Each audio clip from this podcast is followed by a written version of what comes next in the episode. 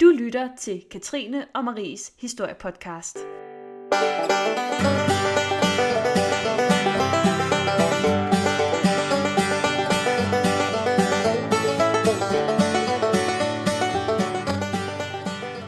Velkommen til, og tak for at lytte med. Jeg hedder Katrine og er kultur- og socialhistoriker med interesse for nyere tids historie. Og jeg hedder Marie, og jeg er forhistorisk arkeolog. Vi har begge en lidenskab for historie og elsker at dele vores interesse, og det er det, som den her podcast handler om. Vi vælger emner, som vi brænder for, men vi er altid åbne over for forslag, og I er mere end velkomne til at kontakte os. Oplysninger følger sidst i podcasten. Atomenergien var stadig ung i 1950'erne og 1960'erne, og balancerede i høj grad mellem utopi og hybris, død og fremgang. Man kunne bruge atomenergien til at gøre livet lettere. Man kunne springe en ny Panama-kanal, man kunne lave en hurtig grundvandsboring, og man kunne få en bil med evig energi. På den anden side kunne bomben også bringe død og ødelæggelse i en hed til uset skala. I dag skal vi snakke om de to sider af atomenergiens barndom.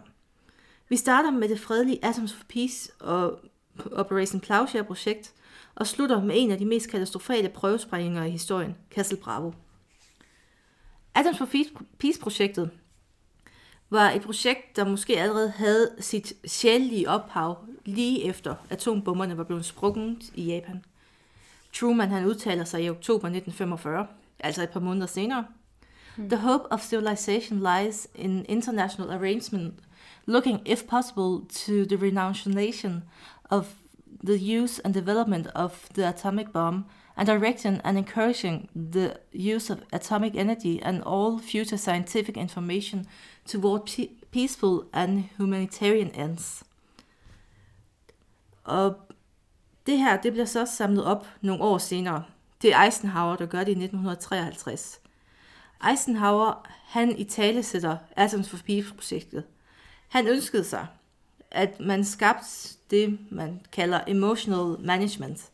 At folk, de måske i stedet for at være bange for atomvåben og atomenergi, blev mere tryg ved det. Mm. Og hvordan gør man folk mere tryg ved noget? Man udsætter dem for det. Man giver dem noget, man kan bruge til i hverdagen. Man kan bruge det til, jamen altså, det var i den tid, hvor man kunne få en, altså en støvsuger, der havde sin egen reaktor. Mm. Man kunne have en reaktor i baghaven, hvis man drømte om det engang. Ja det var, det var sådan meget Jetsons-agtigt. Der var også, øh, det var også der i, på det tidspunkt, hvor at man ligesom begyndte at producere sådan nogle, øh, altså for eksempel tandpasta med en lille smule thorium i, så man lige kunne få et radioaktivt rensning af munden. Mm. Jamen det riser ikke, det renser. Ja. det har jeg altid fået at vide, hvis noget var sært. yes. Og Atoms for Peace, det var som sagt atomer med et fredeligt altså formål. Og det er egentlig også, det bliver vist ved, at man prøver at hjælpe Iran og Israel og Pakistan til at få bygget deres egne sådan, små atomreaktorer. Det var USA, der hjalp dem med det. Det var venligt. Spændende nok. Det tror jeg, Trump han fortryder i dag. og selvom det lyder meget sødt og meget rart, at Eisenhower han har lyst til at hjælpe andre, mm. så er der også nogen, der måske ser det som et lidt mere kynisk move, til at man godt vil sikre sig, at der kommer atomenergi til Europa og deres allierede, fordi den kolde krig var jo i gang. Og Europa var sådan bare lidt mere praktisk lagt i forhold til russerne. Mm. Så hvis man nu kunne få lidt atomenergi skubbet ind i Vesteuropa, så kunne det jo være, at det jo ikke var amerikanerne, der havde brug for at skyde en bombe afsted, men man kunne få nogle af ens allierede til det, fordi nu var de trygge med det her atomenergi. Ja, snedigt. Mega snedigt. Og Eisenhower, han lægger også vægt på, at det var jo USA's ansvar for det her atomenergi, og det var dem, der skulle tage kontrollen og dele det ud og lade det trickle down til andre lande. Men det var amerikanerne, der gik forrest og sørgede for, at det her blev kontrolleret. Og et af de projekter, der altså, står som et symbol for Atoms for Peace, det er Operation Plowshare. Hmm. Og Marie, hvad er det lige, det går ud på? Ja, altså Opera, ja, Operation Plowshare, eller som det hedder på dansk, Operation Plovskær. Øh, det var altså et, et program, der var udviklet inden for, for det her Atoms for Peace-program. Og det havde til formål at udforske det tekniske og økonomiske potentiale i at bruge atombomber til industrielle formål eller fredsomlige formål. Øhm, programmet det blev startet der i, i 1958, øh, og det løb helt frem til 1975, hvor det så blev lukket af miljømæssige hensyn. Men også fordi øh, der var en, en voksende politisk modstand, og så selvfølgelig også en voksende modstand i befolkningen i forhold til atomvåben. Programmets navn det blev hentet fra Bibelen, hvor profeten Esaja han øh, siger øh, noget om, at svær de skal smides om til plovskær. Underforstået, at våben de skal omdannes til redskaber, der kan bruges til fredelige formål. Jeg ved bare, det er godt, når de tager deres, inform- altså deres inspiration fra Bibelen. Ja, men det er sådan typisk amerikanere. Nå, sorry. øh, ideen om, om, øh, om, om det med at bruge øh, hvad hedder det, atombomberne til fredelige formål, som, som du nævnte allerede, Truman havde sagt det kort tid efter, øh, hvad hedder det, øh, bomberne over øh, Japan. Øh, det havde allerede været op at vende det her, men det blev først for alvor ligesom taget øh, godt imod, eller, eller fik medvind under Suezkrisen der i, i, øh, i 1956. Og ganske, ganske kort fortalt, så øh, gik Suezkrisen ud på, at Ægypten troede med at nationalisere Suezkanalen, og dermed stoppe olieforsyningen til Europa. Og det var øh, især øh, Storbritannien og Frankrig ikke specielt glade for, øh, og derfor så gik de så i krig, eller rettere, de fik Israel til at gå i krig, og det var noget værd rod. Men øh, hele det her scenarie øh, dernede, det betød, at man sådan alvorligt begyndte at overveje, at jamen, hvad så hvis Ægypterne nationaliserer Suezkanalen? Vi kan da bare grave en ny kanal med atomvåben. Atombomber. Det er aktiv problemløsning, det er virkelig. Det må man sige, det er progressivt. Øhm, og selvom Suezkrisen den var overstået efter en måneds tid, blandt andet fordi overraskende nok, at både USA og Sovjetunionen de gik ind og sagde, det stopper i det her, øhm, så var ideen om at anvende atombomber til ingeniørprojekter øh, ligesom kommet ind på lystavlen. Det var blevet mainstream, øh, hvis ikke blandt befolkningen, så i hvert fald hos politikerne og, og videnskabsfolkene. Og allerede i, øh, i, i 1957, altså ganske kort tid efter, så var Operation Plowshare altså blevet en, en realitet.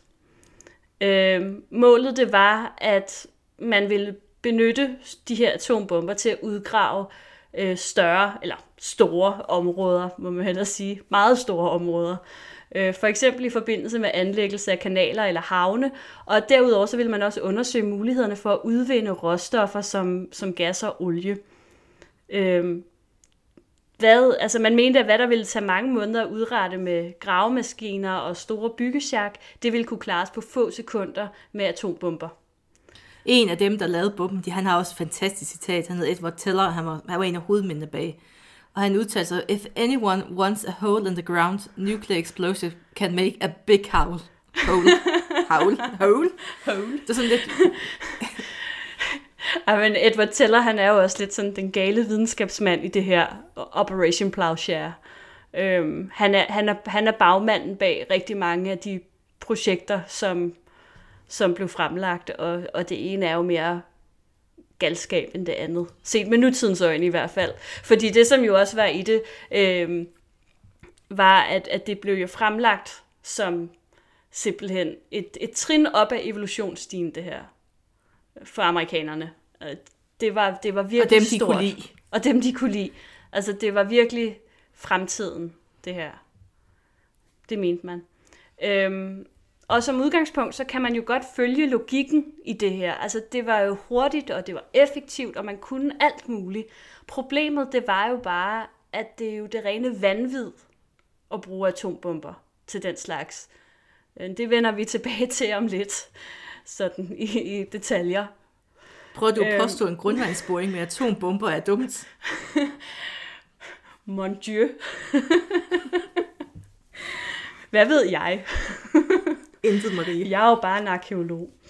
Øhm, I september 1957, der fandt den første testprøvesprængning sted. Øh, men faktisk så blev programmet sådan stoppet i, i 58, ikke på grund af sikkerhedsrisikoen. Nej, nej. Men øh, fordi at øh, Khrushchev, han sagde njet til flere atomprøvesprængninger over i Sovjetunionen. Og USA, de blev ligesom nødt til af politiske årsager også at stoppe så. Øhm, det havde ikke været så godt for krigen. Det er sådan noget kold krigstaktik. Det har du meget mere forstand på, end jeg har. Det skal jeg nok lade være med at bevæge mig ud i. øhm, det her forbud øh, mod atomprøvesprængninger, det varede i tre år indtil 1961.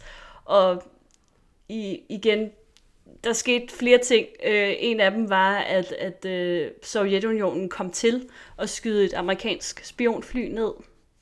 Øh, det blev Upsi. amerikanerne, ja, det blev de ikke så glade for. Øh, og derudover så var der også en, en sådan en, øh, en ongoing øh, skærmyssel mellem Sovjetunionen og, og USA øh, vedrørende øh, Vestberlins status. Og det, de her ting, de betød, at, at den kolde krig, den ligesom frøs meget til igen. Øh, og, og Khrushchev, han, øh, ja, han, sagde, han sagde så der til flere atomprøvesprængninger, og, øh, og så kunne USA jo fortsætte med deres program. Når han ikke havde travlt med mig, så var atomprøvesprængninger det bedste, han vidste. Ja, altså det er jo egentlig sjovt nok, at, at hans, øh, hans stop med atomprøvesprængninger sådan er nogenlunde samtidig med, at han begynder at indføre alt det her majs i Rusland. Jeg ved ikke, om han ligesom fik travlt med det, og så havde han ikke tid til atomprøve, atombomber. Jamen det er nok noget, altså atomprøvesprængninger, det er heller ikke godt for majs. Nej, det er skidt det for kan, majs. Det er overbevist om, det ikke er. Det tror jeg heller ikke. Det var nok derfor. Jeg tror, det tror jeg, der er derfor. Vi siger ikke, at det var sådan, men det er meget sandsynligt. øhm, der var jo den her, den her treårige stillstand. Det var ikke fordi, man sådan lukkede projektet helt. Øh, man fortsat, eller det vil sige videnskabsfolkene, de fortsat med at udtænke alle mulige vilde projekter, øh, som, som kunne gennemføres måske med atombomber. Øh, og det, det hang jo også igen sammen med det her, som du sagde før, at, at det handlede jo ikke kun om USA. Det var jo hele verden, man ville hjælpe med det her. Øh, der, var ingen, der var ingen grænser for, hvad videnskabsfolkene de ville sprænge i luften overalt. Øh, der, det var motorveje gennem bjergkæder, det var dæmninger, det var kanaler, det var havne. Øh, og at man ville kunne optimere leve, levevilkårene for indbyggere, ikke bare i USA, men altså overalt.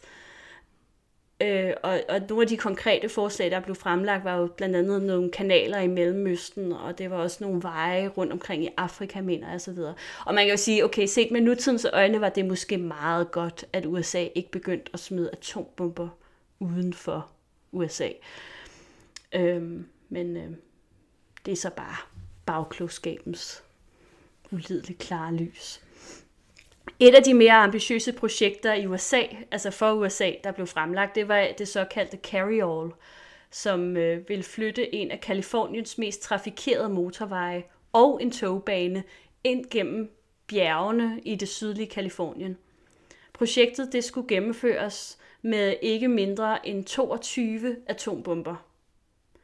Øhm, det melder ikke noget om størrelsen på de her atombomber, men 22 er temmelig mange. Så jeg tror, jeg tror egentlig, at vi som, som sådan globalt samfund kan være meget glade for, at, at Carry All aldrig blev ført ud i, i, i livet. Øhm, det et, men et andet, om måske nok det mest ambitiøse projekt, det var det, der blev kaldt for Project Chariot, eller Projekt Stridsvogn på dansk. Øhm, det øh, havde til formål at øh, anlægge en helt ny havn øh, nord for Polarcirklen oppe i Alaska. Og øhm, selvom man sådan officielt sagde, at det ville være, altså det var en super økonomisk idé, mente man. De ville skovle millioner af dollars ind, hvis de anlagde en havn i det her område. Øhm, så var det lidt svært for dem at bevise, at det rent faktisk også var tilfældet. Og i bund og grund handlede det her projekt nok mest af alt om, at man bare ligesom ville vise, at man kunne gøre det. Altså, ja, problemet det, med den havn var vel, at det skulle være en dybhavshavn. At ja. det skulle være virkelig dyb. Var det ikke ja. noget med det? Jo. Og derfor havde vi brug for altså, atombomber overalt. Ja, altså, og det var jo nogle... Altså, størrelsen på de atombomber, det var, der var jo... I starten blev det jo fremlagt, at det skulle være atombomber på 2,4 megaton. Vi kommer ind på lidt senere, altså hvor crazy stort det er. Men det blev så også nedskaleret, fordi der var nogle der, af de her videnskabsfolk, der ligesom var sådan, ej okay, det kan godt være, at de lige er i overkanten måske. Så man gik ned på nogen, der var 400 kiloton. Og man begrænsede sig lidt. Man begrænsede sig en lille smule, men, men, øh, men det var stadig, altså, havde man gjort det, så, så havde vi muligvis ikke haft en beboet stat, der hedder Alaska i dag, tror jeg. Så havde man...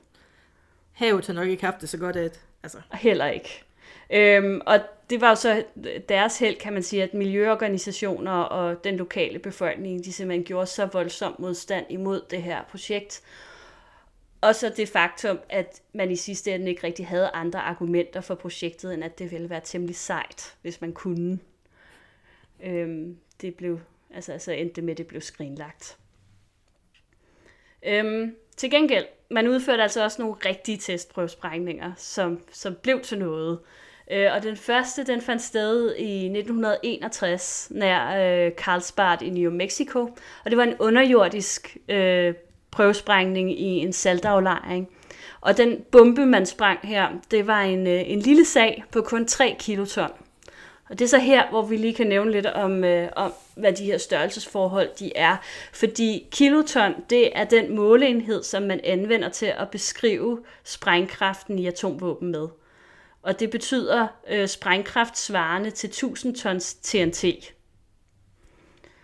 Øhm, til sammenligning med bomben i Karlsbad, så havde bomben, der blev smidt over Hiroshima, en kraft på 15 kiloton. Så den var jo noget kraftigere end den, der blev sprunget i New Mexico. Men til gengæld var Hiroshima-bomben så øh, væsentligt mindre end nogle af dem, som senere blev affyret. Ja, det var bare en bombe. Ej, det var en lille bitte, en lille bitte bombe. Øh, formålet med den her første prøvesprængning, det var først og fremmest at måle produktionen af varme, samt at undersøge, om det ville forårsage jordskælv, altså sådan en underjordisk eksplosion. Kunne jo sagtens gå ind og forårsage noget seismisk aktivitet. Øhm, derudover så indsamlede man diverse videnskabelige resultater, blandt andet om eksplosionen producerede energi nok til at drive en generator. Og øhm, ja, man må jo sige, at den første prøvesprængning her, den var en kæmpe succes, og det betød jo også, at Operation Plowshare øh, jo fortsatte. Og vi nævnte jo også Edward Tellers øh, drøm om at bygge et virkelig stort, eller grave et virkelig stort hul. Og det var jo ligesom det, der var hele essensen i det her. Man ville jo gerne bruge atombomberne til ingeniørprojekter. Og derfor så øh, var det næste øh, eksperiment, som blev gennemført, det var i øh, 1962, og det blev øh, Project Sedan, som øh, efter planen skulle lave et kæmpe hul i Nevadas ørken. Til det her formål, der anvendte de en, øh, en atombombe på 104 kiloton. Så vi har lige skaleret en lille smule op fra den første i New Mexico på 3 kiloton. 104 kiloton. Husk, at bomben, der blev smidt over Hiroshima, var 15. Altså, så lidt større. Det begynder at gå op af nu. Det må man sige. Øh, resultatet af den her sprængning, det var et krater på 400 meter i diameter og en dybde på 100 meter. Krateret, det kan ses øh, fra rummet med det blotte øje, hvis man en dag skulle komme derud. Hvis man nu lystede. Hvis man fik lyst til det. Øhm, og, øh, og i 1994, det synes jeg var sådan en lille fun fact, der øh, blev det i øvrigt registreret som nationalkulturarv i USA. Jeg havde jo tænkt på efterfølgende, at altså, kan, kan man må besøge det? Jeg tænker, der må der jo stadig være temmelig meget radioaktiv stråling omkring, eller det ved jeg ikke, det er der måske ikke. Jeg tror ikke, det er så galt. Man kan jo også besøge til Nobel. Ja, okay, det kan man selvfølgelig godt. Det er jo et spørgsmål om, hvor lang tid du er der til eksponering. Det er ja. Man har nogle skemaer. Og... Nå, okay. Det kan selvfølgelig også være, at man får noget udstyr på, eller sådan noget. Nå. Men, jeg tror øh, bare, det er tid. Ja, okay. Den her øh, sedan, det var en, ja, bogstaveligt talt en kæmpe succes. Øh, og man fortsatte igen derfor eksperimenterne. Heriblandt var Buggy-projektet, øh, som havde til formål at undersøge, om man kunne grave virkelig store grøfter. Altså, som for eksempel en ny Suez-kanal. Øh, det havde man jo haft drømt om dengang. Og til det her projekt, der brugte man så en ny metode. Der havde man ikke bare én bombe, men fem bomber, som lå på række. Øh, det giver jo mening, når man vil grave noget, der er aflangt. Øhm, og øh, de blev detoneret samtidig. Det var så et kiloton bomber, så det var egentlig nogle temmelig små bomber. Til gengæld var der fem af dem den her buggy, den, øh, den resulterede i en kanal, øh, eller en grøft, kan man vel også kalde det, som var 91 meter bred og cirka 24 meter dyb og 270 meter lang. Så der beviste man ligesom, at øh, det kunne man godt gøre, det der med kanaler. Man gjorde det så aldrig nogensinde igen. Jeg har ikke rigtig fundet en forklaring på, hvorfor. At, altså det, det er ligesom, Buggy-projektet, det fremstår som sådan det eneste. Man kalder det for en road charge, tror jeg, når man har de der fem bomber på, på række. Og det var mm. første og eneste gang, at man, man gjorde det i de her atomprogrammer. Så vidt jeg kunne læse i hvert fald. Jeg ved ikke, om, om du har en viden, jeg ikke har. Jamen, jeg, jeg, kan slet ikke byde ind på noget nu, for jeg har lige googlet. Og der er simpelthen ture til de her test sites. Man kan ja. se survival time, altså hvor de har mannekinger endnu, oh. der har stået. Vi må have en kickstarter, Marie. Vi skal ud og se det her. For delen, ja. Men ja, altså, det, ja. Ja. Samtidig med, at man havde de her, øh, øh, hvad hedder det, atomprøvesprængninger, der ligesom skulle øh, finde ud af, om man kunne grave huller og grave grøfter, så begyndte man også at undersøge mulighederne for at kunne udvinde gas ved hjælp af atombomber. Og ideen den var, at man med underjordiske sprængladninger ligesom kunne løsne tingene lidt op under jordoverfladen, og på den måde få gassen til at flyde nemmere. Det er sådan set en metode, der stadig anvendes i dag. Den hedder fracking. Man bruger dog ikke atombomber længere af flere årsager, men den mest prominente ah, okay, måske ikke den mest prominente, det er måske stadig de sundhedsmæssige risici, men det var, problemet er, at, at øh, når man bruger øh, atombomber, så forurenes gassen med tritium og øh, gør gassen ubrugelig. Så man bruger rigtig mange penge på at få noget gas ud, som man så faktisk slet ikke kan bruge. Øhm, og, øh, og det var det var nok et af, altså det var nok blandt andet den det eksperiment, som ligesom var med til at, altså det var et af sømmene i den her, det her atomprograms kiste. Øhm, fordi man jo ligesom fandt ud af, at i 1974, der havde den amerikanske regering brugt 82 millioner dollars alene på gasprojekterne. Altså det var nogle meget omkostningsfulde projekter og eksperimenter, det her. Og man regnede ud, at det havde sådan set været meget billigere, hvis man havde brugt konventionelle bomber. Altså, og så stor var gevinsten måske ikke alligevel. Øhm. I det hele taget så begyndte det jo at gå lidt ned ad bakke for Operation Plowshare i slutningen af 60'erne. Øhm, altså befolkningen blev jo mere og mere opmærksom på, at det måske ikke var så sundt med al den radioaktivitet. Ja, man begynder sådan at se nogle af de længere, altså sådan lidt ja. ned ad vejen, ja. bivirkninger ved atomenergi. Ja. Øhm, og man var også bange for en øh, miljøkatastrofe, øh, hvilket jo også var en, en, en realistisk mulighed. Øhm, og, øh, og, og, og så, så selvfølgelig også i forhold til, når man nu lavede alle de her underjordiske sprængninger, altså hvad nu hvis, at det radioaktive affald er ligesom sev ned i, i grundvandet. Det, det kunne være gået grueligt galt. Øhm, men som nævnt, så gennemførte man i alt 27 testprøvesprængninger i USA i, inden for det her program Operation Plowshare. Øhm, omkring 90% af dem de blev gennemført i Nevadas ørken. Og øhm, ja, man må jo formode, og det ved man jo også lidt om i dag, men at det havde store miljømæssige og sundhedsmæssige konsekvenser. Øhm, og øhm, ja, altså der, det, det er lidt svært, ikke? Altså det var også det, vi, vi snakkede lidt om det, inden vi begyndte at optage det her, om, man, om det, det er noget, man lidt har mørkelagt i USA, hvad det egentlig, altså hvor slemt det egentlig er med, altså hvor store er konsekvenserne for de her folk, som har boet i nærheden af af testprøvesprængningerne. Altså man ved, at i Nevada, hvor som sagt 90% af forsøgene de blev gennemført, der er der altså en højere forekomst af kræft, især leukemi og, øh, og kræft i skjoldbruskkirtlen. Men det er ikke noget, som der sådan for alvor fra officielt hold ligesom bliver det er ikke sådan, at man har været ude og give en undskyldning eller et eller andet. Og hvad hedder det, det virker jo fuldstændig grotesk i dag, at man til syneladende gennemførte øh, Operation Plowshare, de øvrige atomprogrammer, øh, og i den sammenhæng fuldstændig så bort fra de risici, som der var forbundet med atombomber. Øhm, fordi man, man vidste jo godt, det var problematisk, det her. Øh, Det gjorde Og- man i og hvert det fald. ved, ja, og det, det er jo så det, du vil fortælle lidt om nu. Det vil jeg rigtig gerne.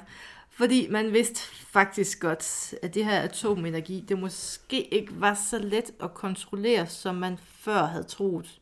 Hmm. Og det, som, altså jeg som koldkrigshistoriker vil jo nok fremhæve Kassel Bravo-testen, som, altså, der hvor det skifter. Kassel Bravo-testen, den forekommer faktisk før Operation Plowshare. Den 1. marts i 1954 springer man den første brintbombe. Og det gør man på en lille ø ude i Stillehavet, ude ved Marshalløerne. Sådan en lille forladt ø. Og sådan, man tænkte, man er nok lige nødt til sådan en radius at få smidt nogle af de der andre stammefolk væk, for hvis der nu kommer noget nedfald. Og så havde man taget sig de forholdsregler. Mm. Problemet var bare, at det var første gang, at man testede det, man kalder en dry fueled hydrogen bomb. Og man havde regnet med, at den ville blive så stor og så stor, men faktisk blev den dobbelt så stor. Fedt. Hov, og det havde man slet ikke regnet med. Hmm. Da man, de måleinstrumenter, man havde sat op, mange af dem, de blev fuldstændig ristet. Ej, det er jo faktisk ikke sjovt.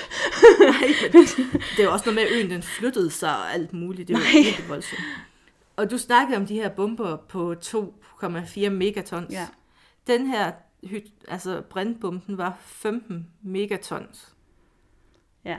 Og det placerer den som den femte mest kraftige sprængte atombombe nogensinde. Og til SAR-bomben, mm. den er så nummer et. Og den var så tre gange større. Ja. Og det, var- det var så der, selv russerne sagde, nu stopper vi nok lige. Nu trækker vi lige håndbremsen. Ja. Nu tager vi den lige lidt ned. Og bare lige sådan for at give et indtryk af, hvor kraftigt det her var. Mm. Man trykker på knappen, og inden for et sekund, så er den her store ildkugle, altså 7,2 km i diameter på et sekund. Og man kunne se den 400 km væk. Og mange folk i det område, de snakker om dagen som den dag, hvor solen stod op i vest, fordi der kom sådan et kæmpe lysglimt ude fra vest. Og krateret det efterlader sig, det var sådan cirka 2 km i diameter og 76 meter dybt. Og padhatteskyen, den når en højde på 14 km og har en diameter på 11 km. Og den blev sådan cirka, den steg 100 meter i sekundet. Og det svarer til, at den cirka har en fart på 360 km i timen. Hmm. Og det var cirka, ja, en 18.000 kvadratkilometer omkreds radius, hvor det bliver forurenet. Altså af direkte atomart nedfald. Hmm. Det, er sådan lidt voldsomt. Og hvis man skal tage det i forhold til Hiroshima og Nagasaki, så er det 1000 gange større. Det er jo fuldstændig crazy. Der satte det bange. Og en af grundene til, at man betragter det som en af de værste prøvesprængninger, det var, at man havde slet ikke regnet med, at det her nedfald ville være så giftigt, som det var. Nej. Og nedfald, det var faktisk værre, end det var for Tsar-bomben. Fordi Tsar-bomben, der havde en anden sprængningsmetode, så den var renere. Hmm. Men det her, det var super beskidt. Så folk, der boede på øer i den omkreds, for de vidste, man vidste jo ikke, det ville blive så kraftigt. Så de mm. vidste ikke, der lige pludselig kom radioaktiv nedfald, så de gik egentlig udenfor. Og så troede de, det var begyndt at sne. Oh. Så de legede jo i det og spiste og puttede det i munden. Og hvis der er noget, du ikke skal gøre med atomat nedfald, så er det i hvert fald at putte det i munden. Lad mig sige det på den måde. Oh, men det er jo græsseligt jo. Jamen, det blev også altså, en rigtig, rigtig lortesag for USA. Ja. Og man har jo betalt millioner af dollars i kompensation. Fordi der var jo selvfølgelig de Okay. første, der blev syge af strålesyge og dør. Ja. Men så var der også dem, der fik kraft bagefter. Mm. Og det dukker så først op i 60'erne. Fordi der går lige en 10 år, før det udvikler sig. Mm. Du ved, fordi kraft, det kommer ikke fra den ene dag til den anden, når man er blevet udsat for stråling. Det er sådan 10 år, 20 mm. år længere nede af vejen. Mm. Og man begyndte også i USA at blive opmærksom på det, da man kigger på en by, og så 20 ud af 29 har udviklet kraft. Den samme type kraft. Hmm. Og så kunne man godt se, at det måske godt kunne have en sammenhæng med den her Kasse test man lavede for 10 år siden. Ja. Og det, det var noget Så- der så- Ja, og det vil jo så også sige, at, at da man gennemførte Operation Plowshare, der kendte man faktisk ikke til de langvarige bivirkninger, kan vi kalde det. Man havde øh, ikke den samme atombomberne. forståelse, som man har i dag i Nej. hvert fald. Så, så man, man tænkte, okay, atombomben den er kraftig, men den er kun farlig, hvis du ligesom er inden for en vis radius af den, hvor du ligesom kan blive sprunget i luften, forbrændt, og så umiddelbart udsat for, for stråling. Men man tænkte ikke på, Ja, ja, altså- at man kunne faktisk være mange kilometer væk. Mange kilometer Ja, væk. egentlig gå og have et godt liv i Ja. ja. et langt stykke tid, og så lige pludselig blive rigtig syg, og så dø. Ja, fordi det sætter jo selvfølgelig situationen i et lidt andet lys. Altså når man, når man læser om for eksempel, hvordan at tingene blev gennemført i, i Nevada på det her testsite, hvor at, at de jo ligefrem sådan inviterer naboerne til at sidde på deres terrasser, se med, flot show, grill en pølse. Altså, det er Hold sådan lige et, op i luften, når trykbølgen kommer, så den dejlige lyn, og så... hvor man tænker, okay, det, det er rigtig ufint, hvis I godt ved, at det her det er farligt. Men det gjorde de så ikke, og det er fred være med det så. Men, men, øh, men Ja, altså, ved, jeg- ved, du, jeg- ved du noget om, hvordan at man ser på det i dag? Jamen, Altså, alt altså det her. med dem, der er blevet påvirket af det. Jamen sådan generelt, hvad er USA's? Altså sådan, er det noget, man ligesom taler om? Er der en eller anden form for sådan bearbejdningsproces? Ved man godt, at man har en... Altså er der stadig tritium i mælken i Nevada, eller et eller andet? altså er der sådan nogle konsekvenser jeg af det? tror, altså, jeg så en dokumentar om det, og det kan jo aldrig Ja. være fuldstændig repræ- altså, repræsentere alt. Nej. Men Det var en familie, der boede downwind for en af de der testing center i Nevada. Eller Ja. jeg tror faktisk, det var New Mexico. Ja. Og det virkede da ikke som om, at den amerikanske regering tog sig særlig meget af, at de alle sammen døde af kræft i den by. Nej. Så det er ikke noget, man sådan taler særlig meget om. Ja, det, det er jo lidt et problem med de her downwind folk. Ja. Men ja, Så er det jo godt, at man har... men man fik... Sig, Ja. Snak. Nå, jamen så... Jamen altså, jeg tror også, det har været sådan lidt svært for amerikanerne at forholde sig til det her, at det er jo mm. dem selv, der har gjort folk syge. Ja. Det, ja, ja. Det, det er jo sådan, det er. Men ja. altså, selvom vi snakker om, det her fallout faktisk var super voldsomt. Mm. Jeg så en dokumentar om Kasse Bravo op til det her. Det er jo min yndlingsprøvesprayning. Hvis man nu, sådan en har jeg. Det er Jeg- sådan noget, jeg er det- det er sådan noget- Det er sådan noget, du jeg ikke er en skal sådan google. med sunde interesser, du ved. Pet, de står uden for din dør nu. Jeg har googlet Kasse Bravo så mange gange, at det nok er skummelt efterhånden. Men i den her dokumentar, så står der en af de højst rangerende Major General Percy Clarkson. Og han står og peger på et diagram, og han siger, ja, der kom jo lidt meget nedfald, da den blev dobbelt så stor, men det var faktisk stadig inden for acceptable fallouts. Så den når lige at skrabe sig over, så det var ikke engang det worst case scenario, der skete. Så Okay. de tog det faktisk ikke så tungt. Ej, men det er jo fuldstændig grotesk.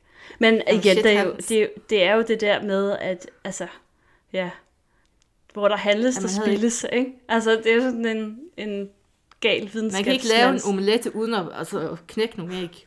Nej, Mm, Men man prøvede jo faktisk at holde den her brintbombe hemmelig. ja. Det var, sådan, det var lidt drømmen om at have et hemmeligt supervåben. Mm. Problemet var bare, altså det første problem var jo, at der var en fiskekutter, der egentlig troede den var inden for the safe zone. Det var den jo så ikke alligevel. Så der var 23 japanere på båden, meget passende navngivet The Lucky Dragon Number 5, som bliver, som for, altså de står ude på deres fiskebåd, og de når jo at blive super syge af strålingen. Mm. Og det, når de kommer ind i havnen, og så bliver den der båd målt, den er jo praktisk talt næsten selvlysende. Ja. Og det udvikler sig jo lidt til et, altså, en twist mellem Japan og USA, fordi japanerne siger, øhm, hvorfor er der kommet en radioaktiv fiskebåd hjem til os? Det virker da underligt. Har I lavet noget, I ikke skulle? Har I været i Bermuda-trekanten? Det virker ikke naturligt, det her. Og man står jo også med 15 øer, der nu er blevet, er, og små halvøer, der er jo fuldstændig, altså de er jo selvlysende næsten. Og det, det det er ikke så super godt, om, fordi der er så meget fallout, og den kom så højt op i atmosfæren, den her bombe, mm. så finder man også spor efter nedfald, altså i Australien og Indien, Japan, og selv i USA og Europa. Så det, er sådan, det var lidt svært at holde den her bombe hemmelig. Ja. Og ja, det, der bliver stillet ubehagelige spørgsmål, når man, Det blev Og- akavet. det bliver akavet, så man er nok nødt til at lave nogle indrømmelser. ja. Og det næste øh, afsnit i min manuskript, det har jeg faktisk bare kaldt, hej, vi har forresten en brandbombe. jeg vidste ikke helt, hvad vi skulle sige, for det er sådan lidt den tilgang, de har til det. ja. Fordi nu har han sprunget en ret stor bombe, og folk sidder på, og kigger på deres øh, geigertæller og siger, det virker lidt sært det her. Mm. Så der bliver stillet nogle spørgsmål. Ja. Og tilfældigvis, en måned efter, at kassebragtene er blevet foretaget, så udgiver amerikanerne nogle dokumenter og en video om en test, de har lavet af en lidt mindre brandbombe et, et eller to år før, der hed Ivy Mike. Mm. Og hvis du nogensinde har set videoer om atombomber og, og hydrogenbomber, så er det nok fra den her film, for det her, hvor ting de bare bliver fladet ud og ja, super Ja. super skræmmende video. Ja. Og det er sådan en 17 minutter lang film, hvor de så begynder at vise nedtællingen, og Mm. den kan man se på nettet. De har Ja. lagt alle deres videoer op, så hvis man har brug for at have sådan en hjertevarm eftermiddag, så google nogen. det gør jeg. Har du Google haft en træls dag på jobbet? Og så har jeg nogle gode høretelefoner i, Og så for lyden bare den er smuk. Brug for at se på nogle eksplosioner. Jeg tænker, Ja, at, jeg, jeg kan godt lave en top, jeg udgiver gerne en top 10 liste, jeg lægger den op på Twitter. Ja. Og på vores Facebook-side selvfølgelig. Ja, på Twitter og Facebook, så lægger Ja. vi øh, atomprøvesprængning top 10. Ja. En liste for connoisseurs i atomprøvesprængning. Ja. Jeg kom til Det at, er øh, googlinger, der jeg kom jeg til at er sikker google... på, jeg er på watchlisten. Ja, sikkert. jeg kom til at google strålesyge, fordi jeg tænkte, hvad, hvad er det egentlig? Øh, det kan være, der sidder andre som jeg, og, og er lidt usikre på, hvordan ved jeg, om jeg har fået strålesyge? Øhm, og, øhm, og egentlig er det jo sådan lidt... Øh, altså de, de umiddelbare symptomer, altså alt efter selvfølgelig, hvor, hvor, hvor hurtigt efter, altså hvor meget stråling du har fået, hvor tæt på selve eksplosionen du har været. Øhm, altså så kan de opstå inden for ja, minutter til, øh, til, til øh, hvad er det, to, to døgn eller sådan et eller andet, altså de første symptomer. Ikke? Ja. Og det er øh, kvalme og opkast, det er diarré, og det er hovedpine, og det er feber. Så, Det minder øhm, på mange måder om influenza. Ja. Og det er jo godt i en tid med, øh, med influenzaepidemi, at vi lige fik sat det på plads. Det hedder perspektivering, det man meget op i historiefaget. Ja. I virkeligheden er der nogen, der har sprunget en hemmelig atombombe et eller andet sted. Vi Det er den ellers- årlige atomprøvesprængning på Bornholm eller et eller andet. Samsø. Ja, ja. Men altså til gengæld så dør man ret hurtigt, øhm, kan man jeg sige. har haft influenza, hvor jeg også var ret sikker på, at jeg var på vippen. Ja, altså det længste, og det igen, det kommer lidt an på, hvor, hvor meget du har ligesom været udsat for, men den længste periode, du ligesom er syg, du dør uanset hvad, øhm, så er det 6-8 uger, du er syg, før du dør. Mm. Og hvis, hvis, du har, hvis det er sådan maksimum, øh, så er det 1-2 dage. Så øh, man ved rimelig hurtigt besked. Men det er også... Det, ja. Så, så sådan er strålesyge.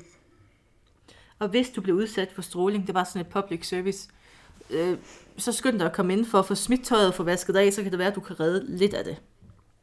Det var sådan Okay, en så- bonusinfo fra mig til dig. Ej, tak skal du have. Det er sådan noget, jeg kan. Skal ja. vi slutte af på en lidt mere, en lidt mere venlig måde, som opsummerer Ja, hele atomtingen? for eksempel noget med tegnefilm. For eksempel noget med tegnefilm. Det meste, vi to ved i livet om, Mm. hvordan man altså, interagerer med andre mennesker, og hvordan man skal opføre sig, det har vi jo lært fra Disney. Ja. Er det ikke sandt, Marie? Det er det. Jeg tænkte nok. Ja. It's a circle of life. Altså, Robin Hood filmen fra Disney har lært mig mere om livet end 10 år i folkeskolen, ja. Ja. Man skal altid stole på ræve. der kan skyde med buerpil. Men i 50'erne, der havde Walt Disney en ret fed deal med tv-stationen ABC. Disney, de havde brug for penge til at bygge Disneyland. Mm. Det koster ligesom penge. Og det sagde ABC, det vil vi godt, det vil vi godt betale for. Men så skal I lave en times Disney til os hver uge. Det vil sige, at man fik ny Disney-show hver uge Ja, på en time. Prøv lige at tænke over det. wow. Jamen, jeg, jeg er også lidt misundelig. Ja, for den.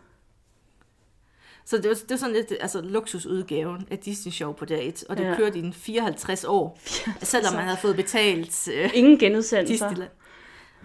Formentlig, det, i hvert fald ikke i starten. Nej, Der, der var vist ret meget guld der. okay. Fedt. Og i 57, der laver de en film på en times tid, der hedder Our Friend the Atom. Man kan se den inde på YouTube, så hvis du sidder og har en time af dit liv, du vil bruge på noget godt, så søg på det. Ej. Og som titlen antyder lidt, så handler det om atomkraft og vores venner. og det er doktoren Heinz Haber. Jeg ved ikke, om han var tysk, men det blev han nu.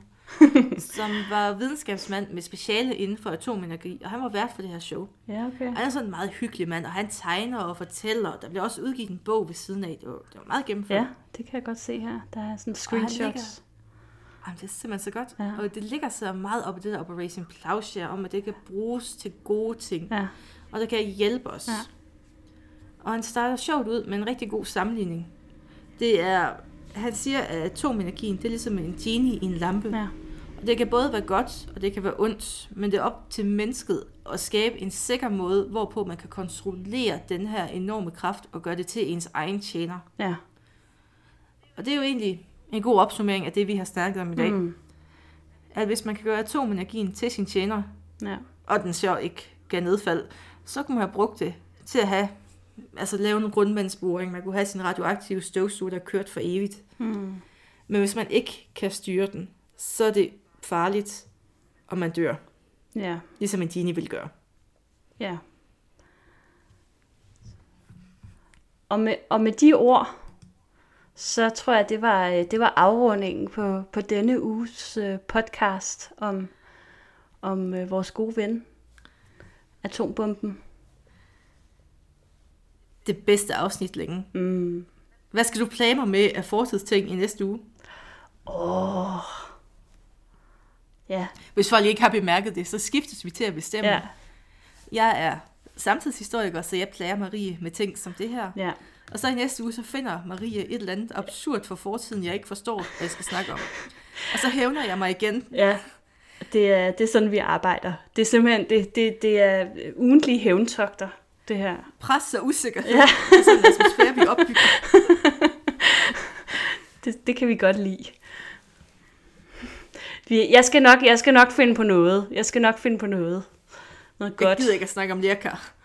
Jeg finder på noget. Moi... Euh,